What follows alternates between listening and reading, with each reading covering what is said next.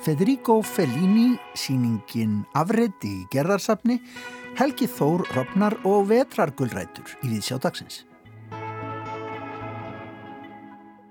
Já, í þættinum í dag þá ætlum við meðal annars að minnast þess að í gær, 20. janúar, þá voru 100 ár liðin frá fæðingu ítalska kvikmyndarleikstjórans Federicos Fellinis.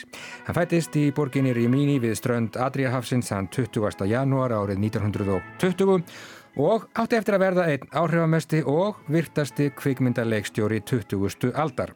Ferillans spannaði ríflega halva öld, hann var einn af þeim allra stærstu kvikmyndahöfundur kvikmyndaskáld og fekk Nobel-svelun, nei, nei, nei, hann fekk Óskarsvelun fimm sinnum. Gestur viðsjár í dag verður Ólafur Gíslason, listfræðingur sem þekkir vel til verka Fellinis og meirið það, hann var að horfa á Fellini í alla nótt. Marja Kristjánsdóttir, hún fór og horfi á leikritið Helgi Þór Ropnar eftir Terving Tervingsson sem frumsýnt var í borgarleikursunu fyrir Helgi og við frættumstum hér í Vísjá í síðustu viku þegar við rættum við leikstjóran Stefán Jónsson. Já og bókvikunar á ráseitt hér að þessu sinni er uh, sagnasafnið Vetrargullrætur eftir Rögnu Sigurðardóttur. Bók sem að koma út á síðasta ári og hlaut góðar viðtökur. Bókin innheldur fimm kníjandi sögur sem fara með lesandan í tímaferðalag allt frá samtímanum og aftur á átjándu öld. Ragnar Sigurðardóttir hefur sendt frá sér sex skáldsögur, smásögur og ljóð fyrir skáldsöguna Borg þá var hún tilnæmt til íslensku bókmenta verðlaunanna á sínum tíma. Hlustendur heyra í rögnu í Víðsjá í dag og hún les úr bókinni Vetrar gullrótum. En fyrst hugum við að ljósmyndinni eins og hlustendur við sjár hafa heilt af síðustu daga þá er ljósmyndaháttíð Íslands hafinn og hún setur marksitt á síningahald viða um bæinn þessa dana og nágrannar sveitafélagin líka því að í gerðarsafni í Kópói þar er síningin afriðt uppi núna, hún var opnud um helgina. Það reyga Marskins ljósmyndaverk, sjö samtímalistamenn sem afbyggja hugmyndir okkar um ljósmyndir sem glukkaður raunveruleikanum. Það eru þau Anna Júlia Friðbjörnsdóttir, Bjarki Bragason, Kládia Hásfeld, Hallgerður Hallgrímsdóttir, Katrin Elvarsdóttir, Pétur Tomsen og Þórtís Jóhannesdóttir. En síningastjóri Afrits er Brynja Sveinsdóttir, hún tók að móti mér í gerðarsapni í dag. Já, síningin hún er haldinn í tilhefnu á Ljósmyndahátt Íslands og ljósmyndin verður að kjarnasýningarinnar en en eh, svolítið leiki með hvað er ljósmynd og ljósmyndin verður svona umfjöldinu efni verka í ólíka miðla. Þannig að titillsýningarna afrið vísar í það að það er oft talað um ljósmyndina sem afriðina veruleikan og þessi síning hún svona augrar þessum hugmyndum um ljósmyndina sem afriðun og um ljósmyndina sem ákveðin glugga að mm. veruleikanum. Þannig að verkin á síningunni eru einmitt leikur með afritun eins og verk Önni Júliu Friðbjörnsdóttur og líka verk sem svolítið láta okkur hugsa upp á nýtt um ljósmyndina sem tvíviðan hlut. Mm -hmm. Þannig að ljósmyndin verður þessi pappir og verður í rauninni kannski skúldur eða innsetning og hlutur með svona áþreifanleika. Mm -hmm. Það er kannski fyrir manns nánar í þessa hugmynd, þessa gömlu hugmynd um sannleikan í ljósmyndinni. Þá er þá er það náttúrulega var það upprunlega galdurinn ekki satt við, við ljósmyndina að geta líkt alveg eftir því sem að auðað sá en það glindist kannski að það var alltaf verið að ramma inn og velja. Já, algjörlega og ljósmyndin var kannski svona fyrst þegar tæknin kom fram litið á hana sem ef ég má sletta svona art science eða svona list, list og vísind á sama tíma. Og í þessari síningu þá eru listamennir ofta að vinna mjög mikið með möguleika tækninar mm -hmm. eins og Kljáti Hásfeld hún gerir verk sem heitir Dwelling sem er að nota fotogram sem er í rauninni ljósmynd án þess að nota ljósmynd af vél þá sagt, er hún með lítil svona leir hús og vefur pappirinn utan um húsin og lýsir ljósi á þar þannig að, þannig að öll sjónar húsins eiginlega festast á pappirinnum mm. þannig að eins og með mörgverk hennar þá er hún mikið að velta sér upp úr því hvað hvað ljósmyndin er alltaf að reyna að breyta þrýðum heimi okkar í eitthvað sem er tvívitt, er alltaf að reyna að fletja allt út. Og annað verk sem hún er að sína hér heitir Surface Transfer þar sem hún er búin að mynda klætt og er að gera tilrönd til þess að endurbyggja hann í rými. En það er náttúrulega alltaf tilrönd sem er dæmt til að mistakast vegna þess að ljósmyndin tekur ekki öll sjónahotn inn í heldur er, er alltaf svona afmarkað sjónahotn af yfirborðhluta. Katrín Elvarsdóttir, það sín, seri eftir hann sem heitir Space Time Continuum þar sem hún er að nota eða möguleika ljósmyndamiðelsins til að fjalla um ein minningar og það, þá tilfinningu sem er að heimsækja stað aftur. Hún, þessi seri er unnin á Ísafjörð á laungu tímubili, þar sem hún var mikið sem bann. Þá sjáum við til dæmis stittur sem eru á Ísafjörði og líka umhverfið þar sem hún er búin að nota sko til dæmis hérna svona ákveðna brenglunni ljósmyndun sína svolítið negatífuna frekar en rétta liti til þess að svona að, að hérna stokka upp í hvernig við upplifum staðina. Mm. Þannig að þessi séri að hún svona, já, hún vinnur út frá þessu möguleikum miðilsins og möguleika tækninar og á hennar hátt að vinna mikið með minningar og, og stemningu sem er alltaf kannski innkennandi fyrir verkinna Katrínar. Þetta er sem sagt fjall sem er, það sem er litunum er snúið við og já. fjallið virkar eins og heiminn og... Já, já, já, já, þetta er óshyrna þetta verk. Það er fallet. Mm -hmm. ég sé hérna bara fyrir aftan okkur að það eru verk eftir Þórtísi Jóhannsdóttur sem að, já, eru algjörlega skuldurísk og hanga upp á vegg og tegja sig ja, út úr út frá vegnum einhvern veginn.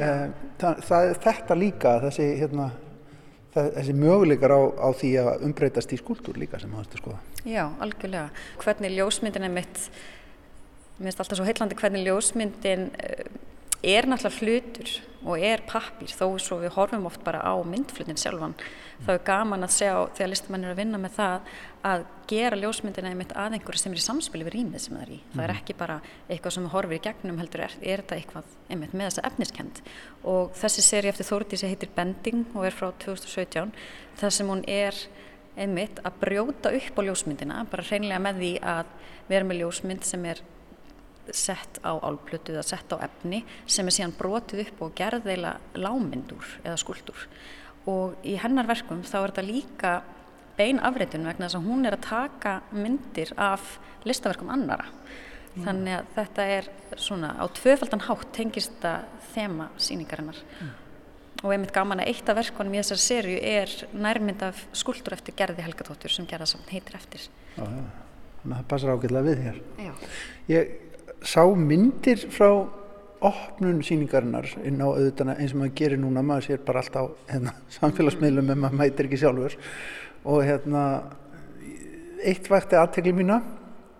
Það voru verk hérna út í hodni sem að, sem að fólk var að setja kassa á höfuðu á sér. Uh, verðum við ekki að prófa þetta svona fyrir Jú Algjörlega, þetta er verkið, þetta er hlutið verkið. Hvernig á ég að gera þetta í útvarpi? það er svolítið erfitt að koma þessi kring. Þú er eiginlega að halda á upptökutækinu og ég stýn kassan minn. Getur sett hérna headphone aðeins. Ég skal reyna að færa það aðeins næri hérna svo heyrist eitthvað í mér. Setjum sem það. Á ég að snúa mér að myndavelinu eða? Nei, hérna gluggan. Þú getur snúður í alla áttir og þá sérðu þá sérðu umhverfið varspast á kvolvi inn í kassan.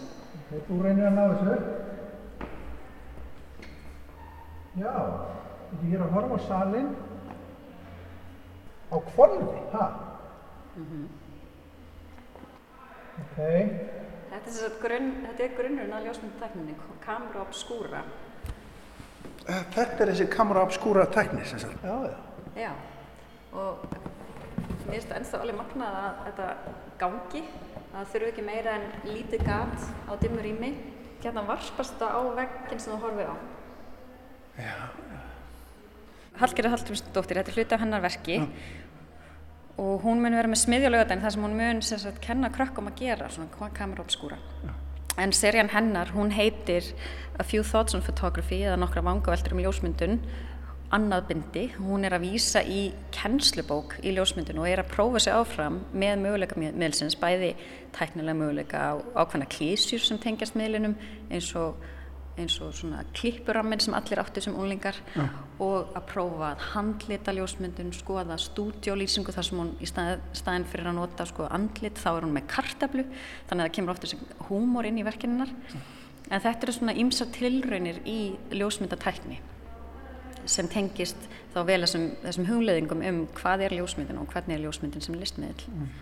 Og það veitir nú kannski ekki að, uh, að hérna, velta hans fyrir sér ljósmyndamiðlinum á þessum tímum þegar við erum ekkert búin að gleima já kannski upprunlega galdreinum á baka þessa hérna tækni verðan þess að hún er svo ofbúslega mikið allstaðar í kringum okkur í dag. Algjörlega og eins í verkinu Hallgerða þá hún líka leika sig bara með þessi element sem er í ljósmyndinni eins og til dæmis að nota sko silfur, blaðsilfur og að búa til speil þannig að hún er svo, líka að búa til sagt, eitt verk sem sýnir manngerðan regnbúa, þannig að hún er að velta líka fyrir sig þessum grunn elementum sem er í ljósmyndinu, þessi ljós og þessi efni sem er notuð í, í að framkvæmla Sko röldi yfir í næsta sal og, og hérna kannski þú segir mér á, á meðan sko hefur getað sett saman margar svona síningar, eru margir eru íslenski listamenn uppteknir af já, þessu sem þið, þú að reyna að skoða þetta? Það má alveg segja það. Þetta er kannski, já, allavega myndlistamenn eru náttúrulega ofta að vinna með listmiðlinn sem slíkan og skoða hver staða miðlsins er en hérna þá leif ég mig líka að tengja einn verk sem kannski í grunninn er ekki akkurat að fjalla um ljósmyndun sem þrýðan hlut mm. en, en byrtingamyndin er samt ljósmynd sem þrýði hlutur eins og verk Bjarka Bragasonar sem heitir 1001 ár hann er sem sagt að sína verkefni í helliseiðverkjunum þar sem við verðum að binda koldioksíð mm. í bergið Þetta er bórkjarni svona Já, já, alveg ótrúlega magnað verkefni og byrtingamyndin er sagt hann er með ljósmynd sem er sett upp eiginlega eins og skúldur eða pappirinn verður færið svo ótrúlega efniskenda á sig vegna þess að hann er hérna bara færa að vera levandi í rýminu þannig að þó svo verkið kannski fjalli um eitthvað mjög sérhæft þá, þá er hægt að tengja það náttúrulega þessum mm. hugmyndum um ljósmyndina sem listmiðl Svo er annað verk eftir Bjarka sem er hérna við hliðin á þar sem hann einmitt var að afrita náttúrufyrirbreyði og það er svo skemmtileg saga á bakvið það að hann var á leðinni í bíó, í háskólu bíó og rampaði inn á vísindamessu þar sem við verðum að sína og kenna krökkum hvað var mikilvægur upplýsingar sem búa í, í klaka og verða að sína þeim brot úr vatnajökli og tala um upplýsingar sem byggju í honum. Og hann skoði þetta aðeins og fer svo í bíó og svo þegar hann kemur tilbaka þá sem sagt liggur klakin í hálfræsinu því vísindamessin er búin og það er náttúrulega kannski ekkert auðvitað að geima þannig að það var bara búið að losa við hann og hann bara gati ekki hort upp á þetta. Þessar mikilvægu upplýsingar væri að fara bara að bráðna þarna í Hagatorg. Það er bókstalón í ræsi Þannig að hann tekur klakan með sér bara, setur hann undir höndin og hjóla með hann heim og sker hann í tvent og gefur hann meila tvær svona varðvislu aðferðir. Og það sem við erum að horfa á hér er sagt, hvernig hann varðvitti útlitt klakans. Hann kastar klakanum ofan í kvíta steinsteipu og á sömu stundu þá harnar steinsteipan og festir formið og klakin alltaf bráðnar á sama tíma þannig að hann eiginlega eðilegur hann til þess að varðveita hann og í hinum salnum þá er hægt að segja hvernig hann varðveitti innri upplýsingarnar þannig að hann, hann bræðir hinluta klakans ofan í pappir og úr kemur þessast vítjóverk þar sem að sér hvernig hann er að bræða klakan og klakin hverfur smátt saman og síðan pappirinn sem hann notaði undir sem varðveitir þá sem mikilvægur upplýsingar. Svona setið órinnindin sem verður eftir. Já, já. Þannig að þetta verk er þá afritun í sjálfu sér af einmitt eitra og innra útliti náttúrfyrirbriðis. Allt er kópi af kópi af kópi. Já, nákvæmlega, nákvæmlega. Fyrir allt í ring, Já. margar ringi. Hérna eru síðan Kláti Hársfeld og, og, hérna, og Pétur Tomsen. Já, og verkið fyrir fram okkur er, er verk sem heitir Surface Transfer þar sem hún er að leika sér með svona tilraunir til þess að endurbyggja hluti. Með ljósmyndinni. Og hún tók sérstaklega myndir af kletti og setur upp í rýminu þannig að maður fer svona að reyna að, að sjá heildarmyndina sem er samt svona skorin upp og, og brotin og, og kannski alltaf erfitt að sjá. Og svona alltaf gaman að geta sko gengið fyrir aftan og sé þar bara hvítan pappirinn er, þetta er alltaf bara já, eiginlega eitt sjónahorn af yfirbyrða hlutarins. Já, þetta er svona þrývítið þessu þannig að maður vill fara að láta maður vill að auðvitað fara að lesa þetta Já, já, já, nákvæmlega, nákvæmlega. Og verk Péturs Thomsen það heitir Prílút og er sagt, tveir hlutar af sömu sériu þar sem hann er að mynda sitt nær umhverfi er sagt, að mynda gróður í gardinum hjá sér. Og fyrir serían þá er hann að mynda nóttu til með mjög sterku flassi þannig að það er mjög skörp skil, ljós og skugga. Og serían sínir svona örlítið breytt svæði eða sjónahotn af þessum gróðri þannig að maður kannski áttast ekki alveg á því hvað nákvæmlega gæti verið endutekning, hvað er eitthvað annað. Og það sem þótti líka svo heillandi við þetta verk í þessu samhengi er að þetta verður svolítið eins og kvikmyndarammar þetta getur orðið svolítið eins og þetta það er oft talað um ljósmyndið sér svona frosið augnablík sem búið varðið þetta eilíf og þarna fer eiginlega augnablík eftir að líða. Þú sérði eiginlega hvernig þetta getur ákveðin svona, já, ákveðin serja orðið til. Mm -hmm. Og eiginlega gott heita á þessu þessar síningugna sem að fyrir að hugsa um afrið á alla mögulegan máta, ég var að reyna að setja fjölskyldumyndirnar inn á, inn á skí núna bara í gæra fyrir að dag þannig að maður getur alveg tengt við þetta Já, nákvæmlega Alltaf að reyna að festa þetta og varðu veit eitthvað eilífu. Já, sem er náttúrulega bara ekki séns. Allt í læg. takk kæla fyrir spjallir. Já, takk kæla. Takk fyrir komuna.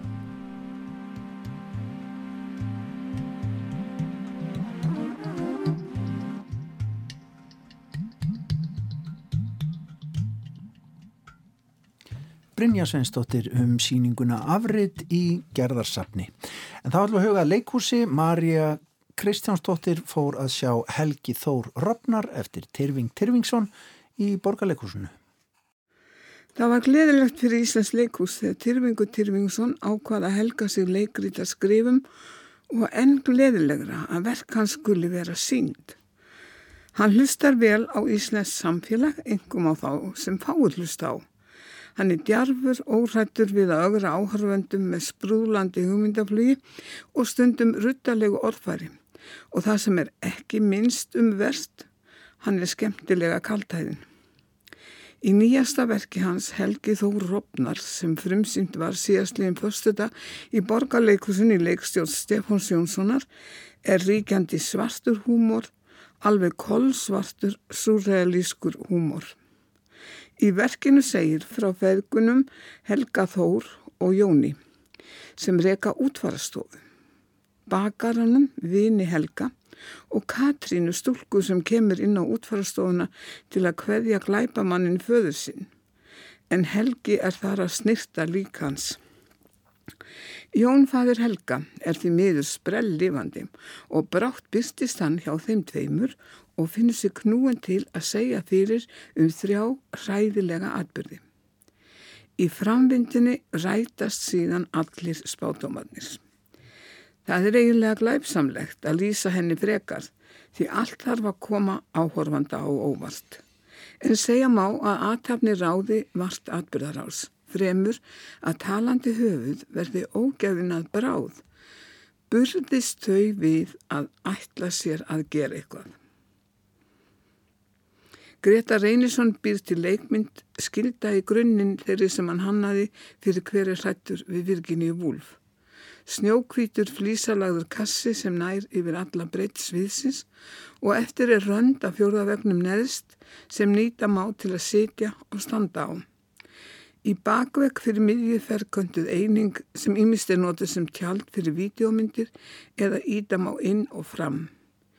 Inni þar staðsetur hann heimili Katrínar en til sinn hvorar hliðar fær útfæra stofan og bakarægið samvisku samlega sitt ploss.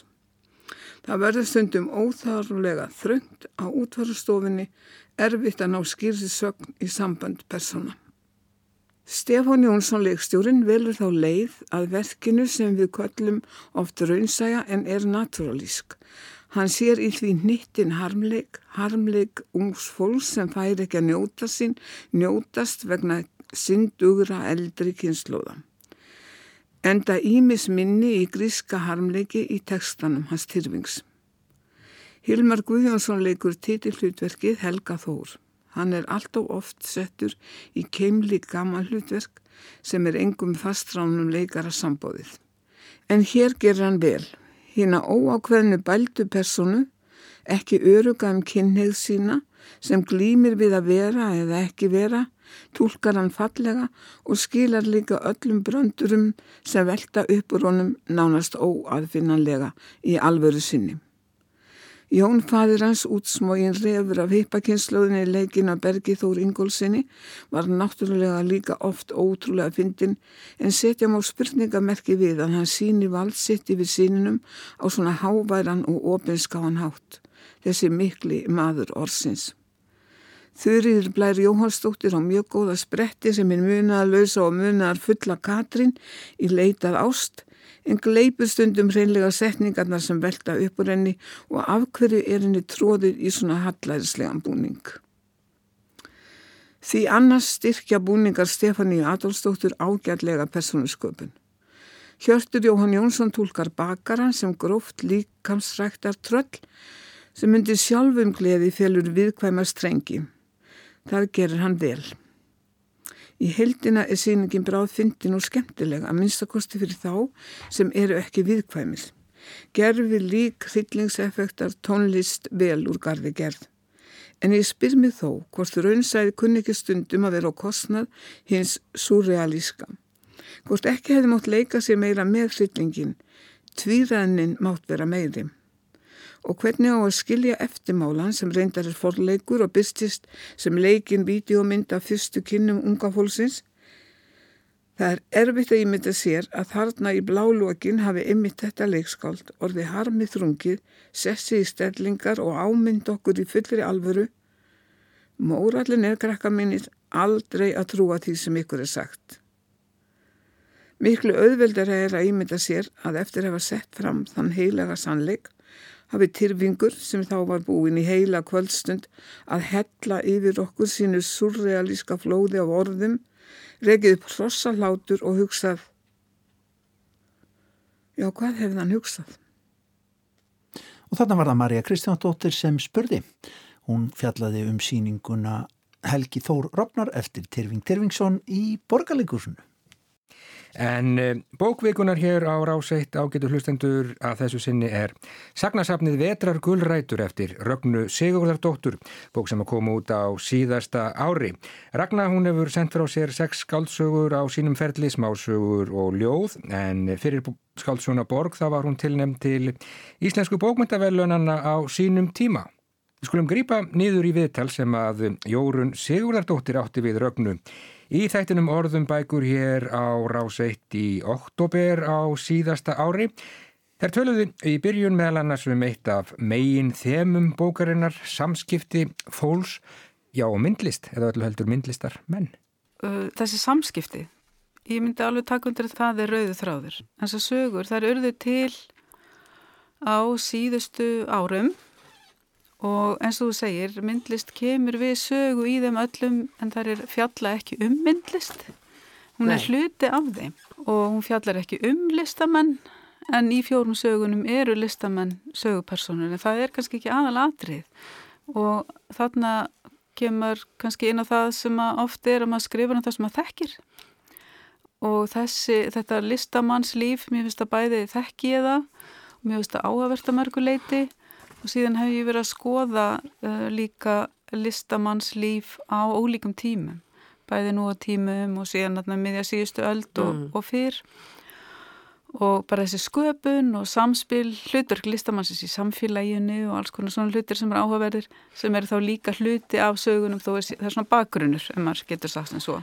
En um leið líka gefur þetta að vera listamadur sem er að segja sögu hann gefur svo mikið tækifæri til þess að sína okkur svona hvernig hann skinjar um heiminn í litum og formum og lykt líka. Mm. Litir verðast hafa lykt í hugum margra myndlistamanna.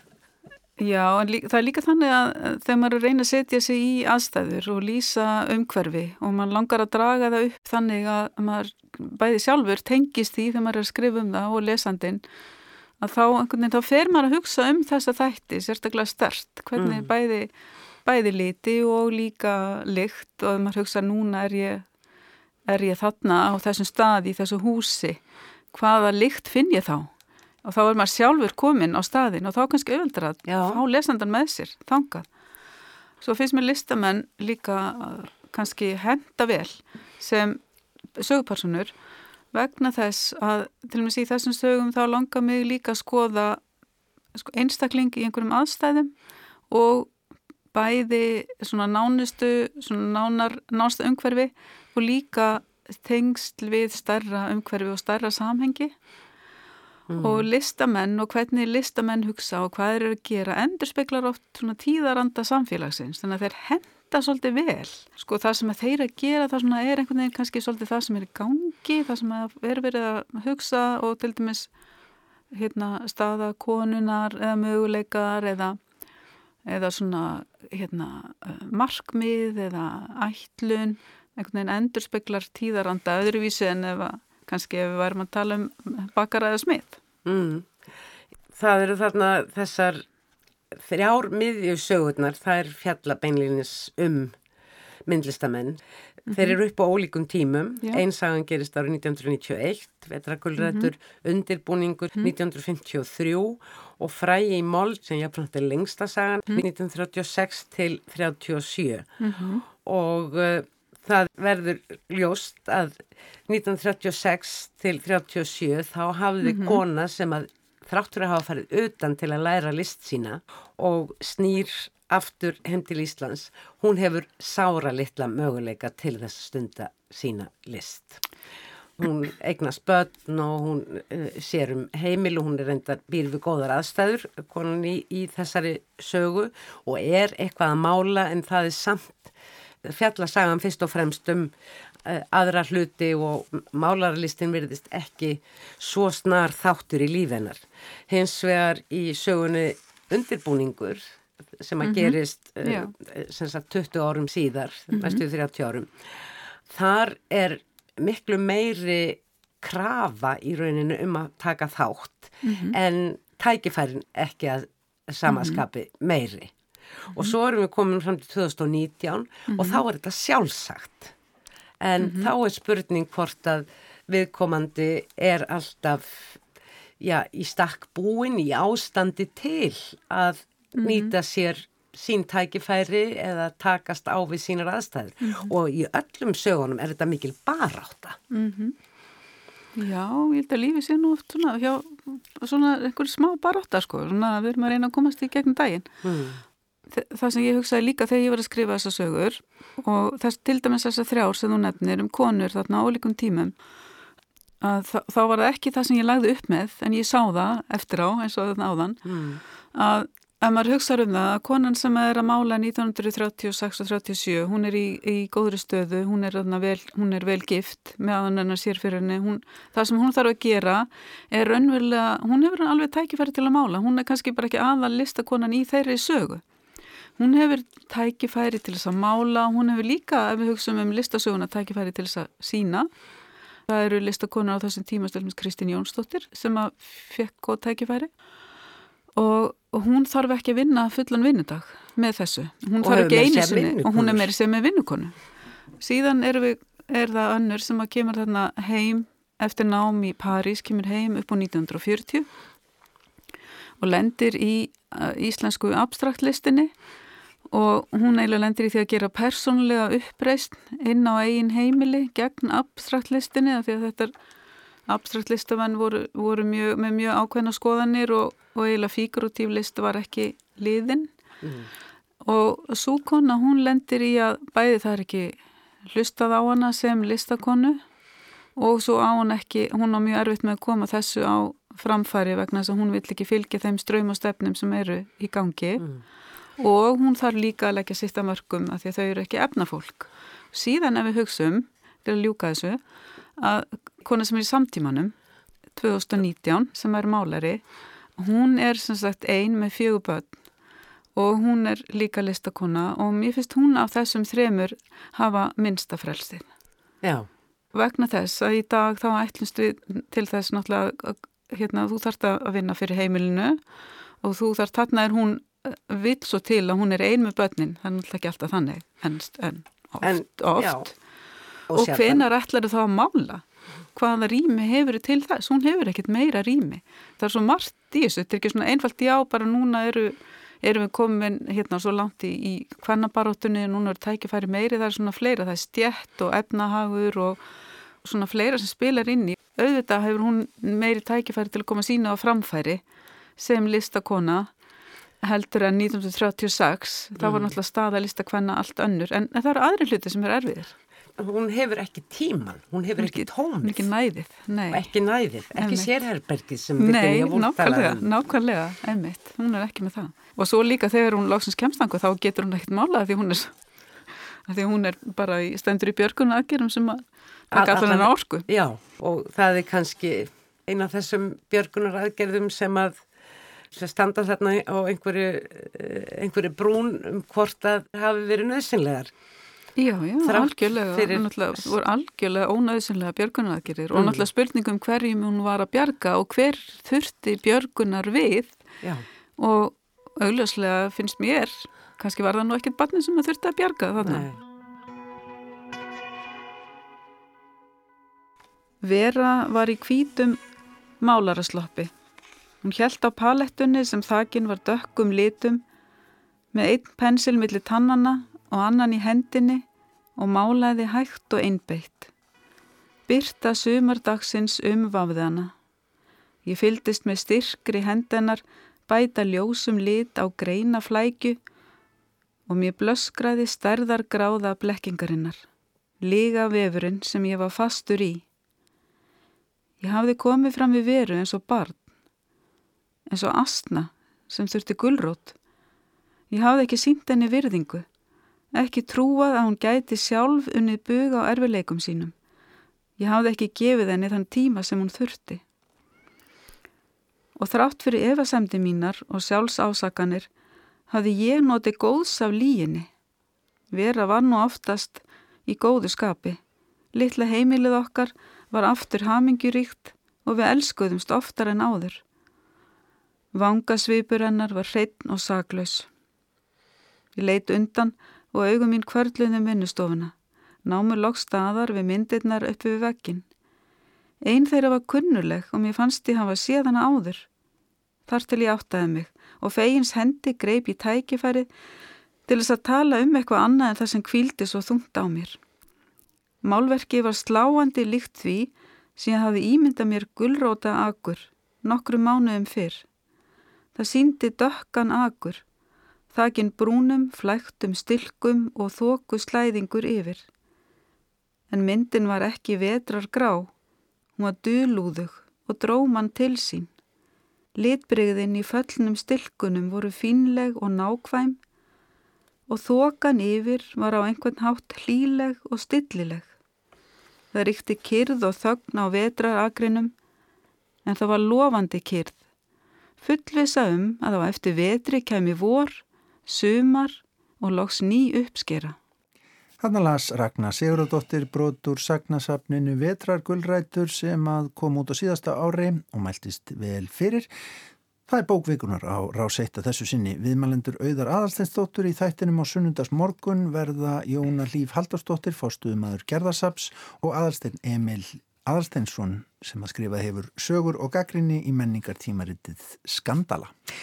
En þá ágetur hlustundur höldum við beinustu leið til Ítalju að gefnu tilefni. Í gær, þann 20. janúar ágetur hlustundur voru 100 ár liðin frá fæðingu ítalska kveikmyndarlegsturans Federicos Fellinis. Hann fættist í borginni Rimini við strönd Adriahafsins þann 20. janúar árið 1920 og átti eftir að verða einn áhrifamesti og virtasti kvikmyndarleikstjóri 20. aldar. Bello.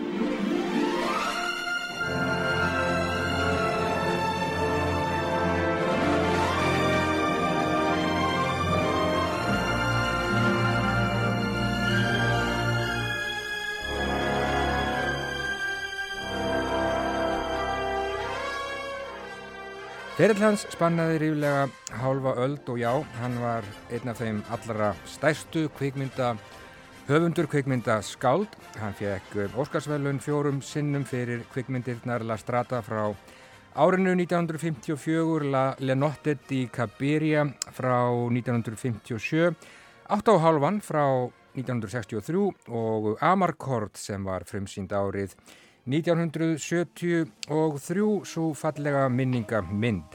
Akademian heðraði Fellini fyrir æfistarfið árið 1993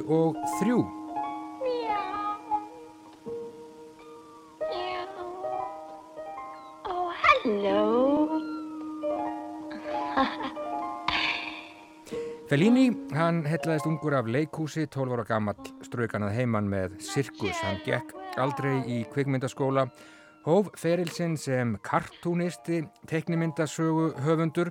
Fyrsta reynsla hans sem kvikmyndalegstjóri var myndin Luci del Varietà árið 1950 en eh, það var ekki fyrir en fjórum árum síðar sem hann öðlaðist alþjóðlega viðurkenningu fyrir kvikmyndina La Strata frá árinu 1954 sem margir telja mestarastykki Fellínis.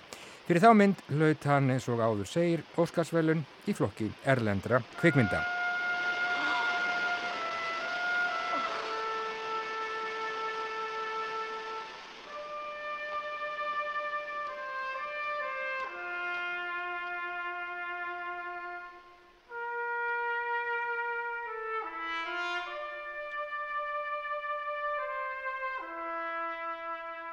Ein af þekktustu myndum Fellinis er auðvitað La Dolce Vita frá árinu 1960 en hún færði honum gullpálmann í kann.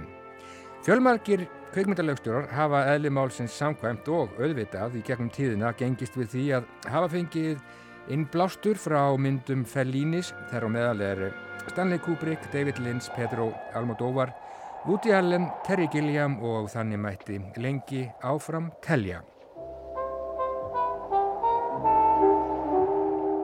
Federico Fellini andaðist í Róm þann 30. og 1. oktober árið 1993 og 3, 73 ára gammal.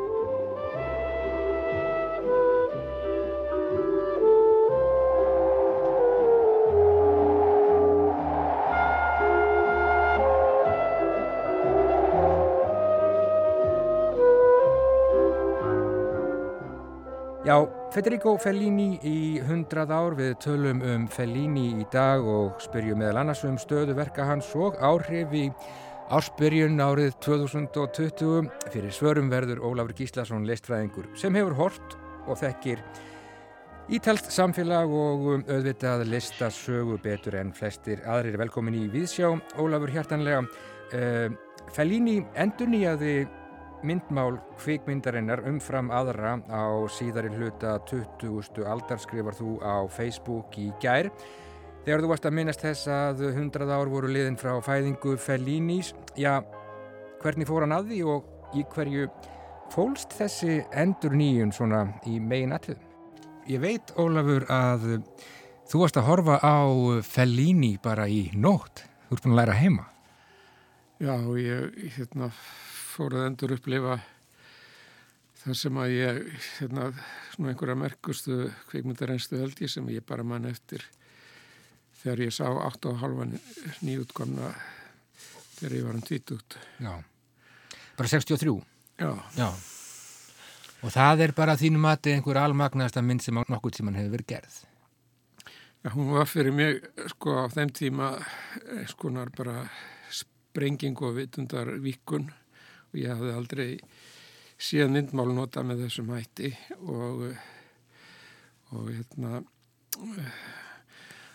þetta fær líni kannski ekki mikið þá en það er kannski áður en ég fer aðeins að tala um þá mynd að, rétt að svona kíkja á það að Fellini hann sko sprettur upp úr nýrealismannum sem að var ríkjandi á Ítalju eftir stríðið Já. Og hérna og það var svona upphæflega svo krafa vonum doldið mikið að sérstaklega frá vinstimönnum að fylgja því svona þjóðfélagslega raunsæði sem að þar var, þar var til staðar Já. en, en Fellini datt út úr því mjög fljótlega þegar hann fór að skapa eitthvað sjálfur og og uh, myndir hans verða stöðum eru meira svona draumkendari og, og sjálfhverfari inn í, fann fyrir inn í eigin draumheima og Já. endurminningar, bensku minningar og, Fantasíur og ýmislegt. já, og þetta, þetta tengis mjög hans persónulegu sögu vegna þess að hann hann átti ekkert öðvöld líf og hann, hann gegn til dæmis í gegnum sálgreiningu uh, og það var uh, sálgreining sem var jungisti sem, að, sem grindan og upp frá því fór hún að halda dagbók sem var draumadagbók, hann skrifaði niður alla drauma sem hann dreymdi mm. og, te og teiknaði myndir við og, og, margar mynd, kveikmyndir hans verið til upp úr þessum, upp úr þessum dagbókum. Margt mjög minningatengt hjá honum. Já, Já, og sko svona þessi draumabók, hún minnir svolítið á sko hérna, hvað var ekki rauðabókin eða svartabókin eftir Jung þar sem að sko, sem að var falið Já. falið verk til að og, og hérna og hann var sem sagt gaggarindur af vinstri mönnum fyrir að, að vera vera hérna utan, fyrir utan hér þjóðfélagslega raunsægi og hann var svo gaggrindur að katholsku kirkjunu fyrir að, fyrir að gaggrina fyrir að, að skilja ekki eða vanverða er trúalega hefðir þannig að hans, hans hefð kom eiginlega meirað utan sem, sem kvimtuhefund hann fekk meiri viðkenningi í Hollywood heldur en heldur en á Ítalju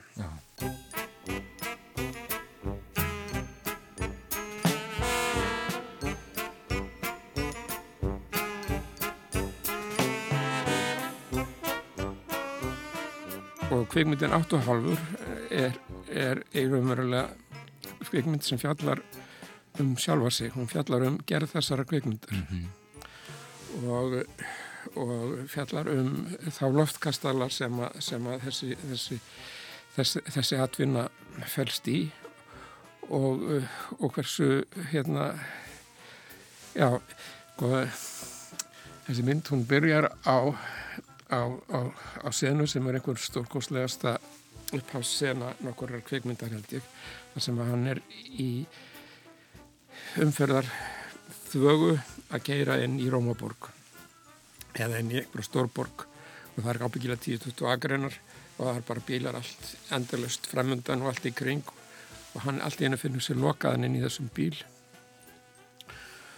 Og við getum maður maður fattar þetta ekki þegar maður sér þetta fyrst. Maður sér bara hvað þetta er, þetta er einhver surrealistisk sena því að hann hann einhvern, einhvern veginn tekstum að brjótast upp úr bílunum og hann svífur til himna og bara svífur upp í, í himminkvolvið og yfir alla þessa bílaþorvars en eftir á ekki sko þá getur maður séð fyrir sér sko ég er að fara að gera kveikmynd og, það, og, og heimurinn er fullur af kveikmyndum og af auglýsingum og af myndefnu og öllu þessu. Og og ég þarf að brjótast út til þessu og fara upp yfir það og alveg upp til himna til þess að að finna einhvern, einhvern sannleika eitthvað sem ég þarf að gera í þessari kvikmynd Já.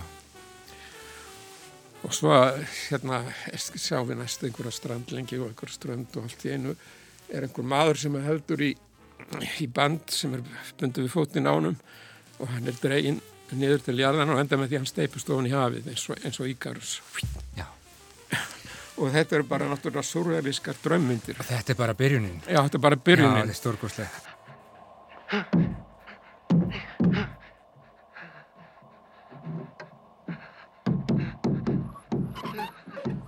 Eh, við náttúrulega þekkjum þessar frægu myndir hans, þú minnist á ný raunsæði sem hann ja, byrjar ferilsinn í og það er þessi fræga mynd 54 La Strata sem að margir eru náttúrulega mjög hrifnir af og um, já, þessar helstu myndir auðvitað 8,5 og La Dolce Vita og svo þessi fallega minningamind frá 1973 Amarcord, það sem er henni mitt að móða úr sínum eh, eigin minningum, sko, hvað eh, þú ert á því að 8,5 svona rýsi upp úr allavega hjá þér nákvæmlega núna. En þetta er sko, eh, þetta er allt svo stort hjá Fellini og hann var sko, hann, hann er fættur 1920 tveimur árum síðar þá uh, kemst Mussolini til valda. Þarna er katholska kirkjan yfir og allt um kring en, en Fellini mætir þessu einhvern veginn öllu af svo miklum krafti.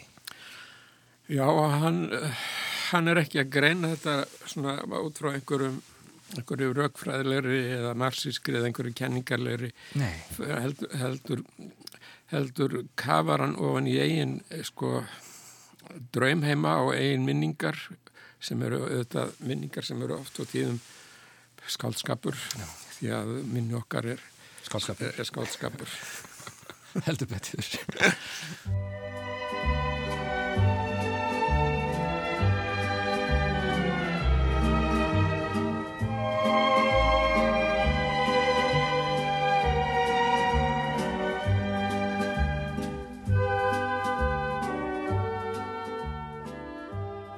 og hérna, ég náttúrulega hafði sérstaklega gaman af, af sko minningamyndinni sem Amargord þegar þess að ég var að vinna mörg sömur á rýminni og þekkir þess að þær slóður og allt það andrúslokk mjög vel. Ég var þannig tíu ár meir og minna. Þú þekkir, þekkir þetta ótrúlega fallið mynd. Já, og hérna málískan og persónunar sem að þær, þær tengjast bara mínum persónunum minningum frá þessum stæðan. En, en, en, en það sem ger átt og hálfa merkilega er það að sko að, að, að þetta er ekki þetta er mynd um, um myndina sjálfa, um Já. gerðannar og um þá sko stöðurlistamannsins sem að hefur í raun og veru ekkert að segja nema miðlununa sjálfa mm -hmm. Mjög 20. aldalegt Mjög 20. aldalegt mm en, en það var ekki búið að gera svona sko varla í myndlistinni og í, í, í leiklistinni eh, eins, á þessum tíma 63 þegar þetta kemur fram Já, Hann náttúrulega hefur haft uh, óendanlega áhrif uh, allir helstu leikstjórar samtímans þeir kinga kolli til Fellinis Máttúrulega ekki gleyma að þætti tónskálsins Nín og Róta, það er ekki hægt að tala um myndir Fellinis á hans að minnast á hann. Tónlist hans leikur auðvitað mjög stórt hlutverk í myndunum og já, margir muna nú bara svona einstakar senur, górsbrunnin til dæmis e, í La Dolce Vita. Menn muna Marcello Mastroianni og Anitu Ekberg mjög vel. Jú, jú, það er náttúrulega eh, klassisk eh, sena. En uh, sko senan í 8.30 þar sem að hann defturinn í drauminum að hann sé komin í kvennabúrið. Og, og, í kvennabúrinu eru allar konurnar sem er allar leikonurnar sem hann var með í að ráskast með í þessu projekti. Mm -hmm. og hérna og hérna hann er, og hann er búin að vera í stríði við þessar konur í að búi til þessa mynd. Og allt í einu þá kemur hann inn í, inn í þetta, þetta rými sem að, sem að hafði áður byrst í myndinni sem rými þar sem hann var sem barn í einhverjum, einhverjum farsískum uppbyldis aðstæðum en allt í einu er hann komin þarna og hann hún að taka mót honum eins og guði og, og setja henni í bað og, og, og dansi kringum hann allt þanga til að hérna, það er þanga til að allt í að, því að einu var út til okkur út af vegna aldurs þá gera það uppreist gegn hann og hann gengur á þar með svipu. Já og hérna og þetta er svo ótrúlega þetta er svo ótrúlega sena Já, ég veit ekki hvort við erum að tala um Fellini og konur sko, menn segja sko ekki, ekki alveg að vita hvort hann hataði konur eða hvort hann var hrættur við konur, það fer nú kannski stundum saman en þær töluðu náttúrulega um að hann notaði þær bara sem sko strengjabrúður til þess að hann geti haldið áfram að sína sinn sirkus og, og gera sína eigin drauma að, að listrænum veruleika. Ég veit ekki hvort við erum að hætta okkur þangað.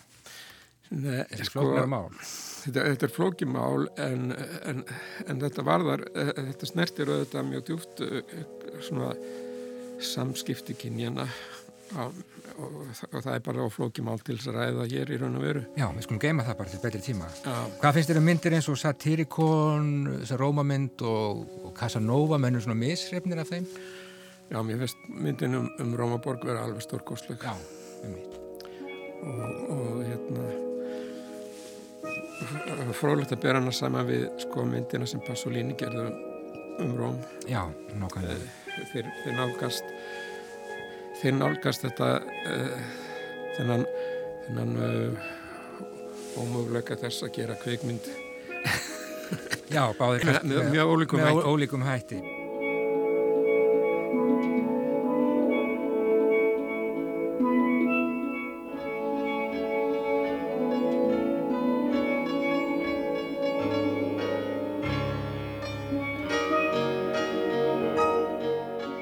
En uh, já, hundrað uh, ár liðin frá fæðingu Fellinis, uh, hvernig er með Fellini á Ítalíu í dag? Eru Ítalir að, eru Ítalir duglegir að halda minningu hans á lofti? Er þeir að halda upp á þetta? Hver er, svona, hver er staða hans og hans verka, svona finnst þér almennt? Já, það er náttúrulega, sko, mikið verið að fjallum að núna þessa dagana, en, en kannski ekki eins mikið almennt eins og, eins og manni finnist ástæða til. Nei, nákvæmlega.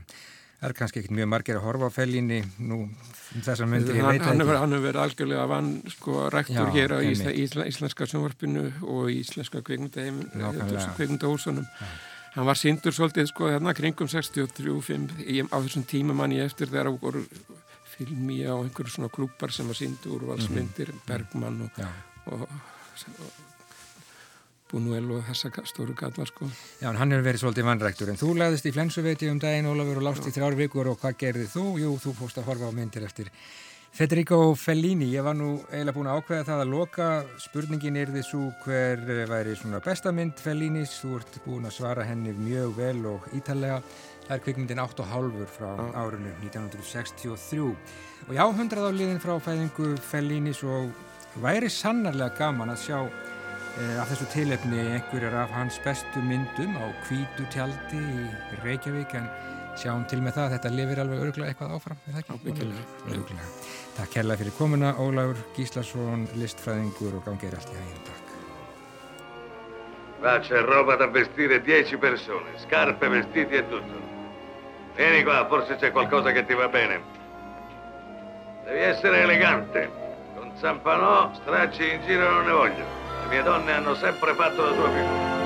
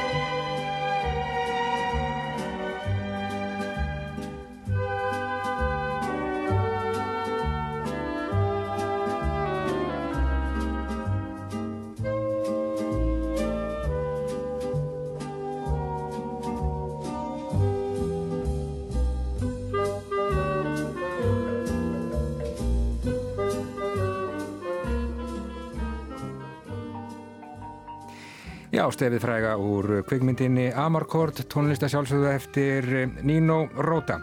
Ólafur Gíslason, gestur okkar í dag, merkasta kvikmyndareynsla sem að hann mann eftir var eh, að sjá 8 á halvan árið 1963. Það var hann tvítugur og nýbúið að frumsýna þessa merkilegu mynd en sem sagt 100 ár í gær frá því að Federico Fellini fættist þessi merki kvikmyndarleikstjóri og guðni.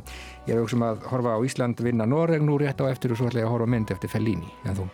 Í öfuru röð, nei, ég ætla að horfa á leikin í beinni. Já, já, einmitt, það er bara svo þú vilt.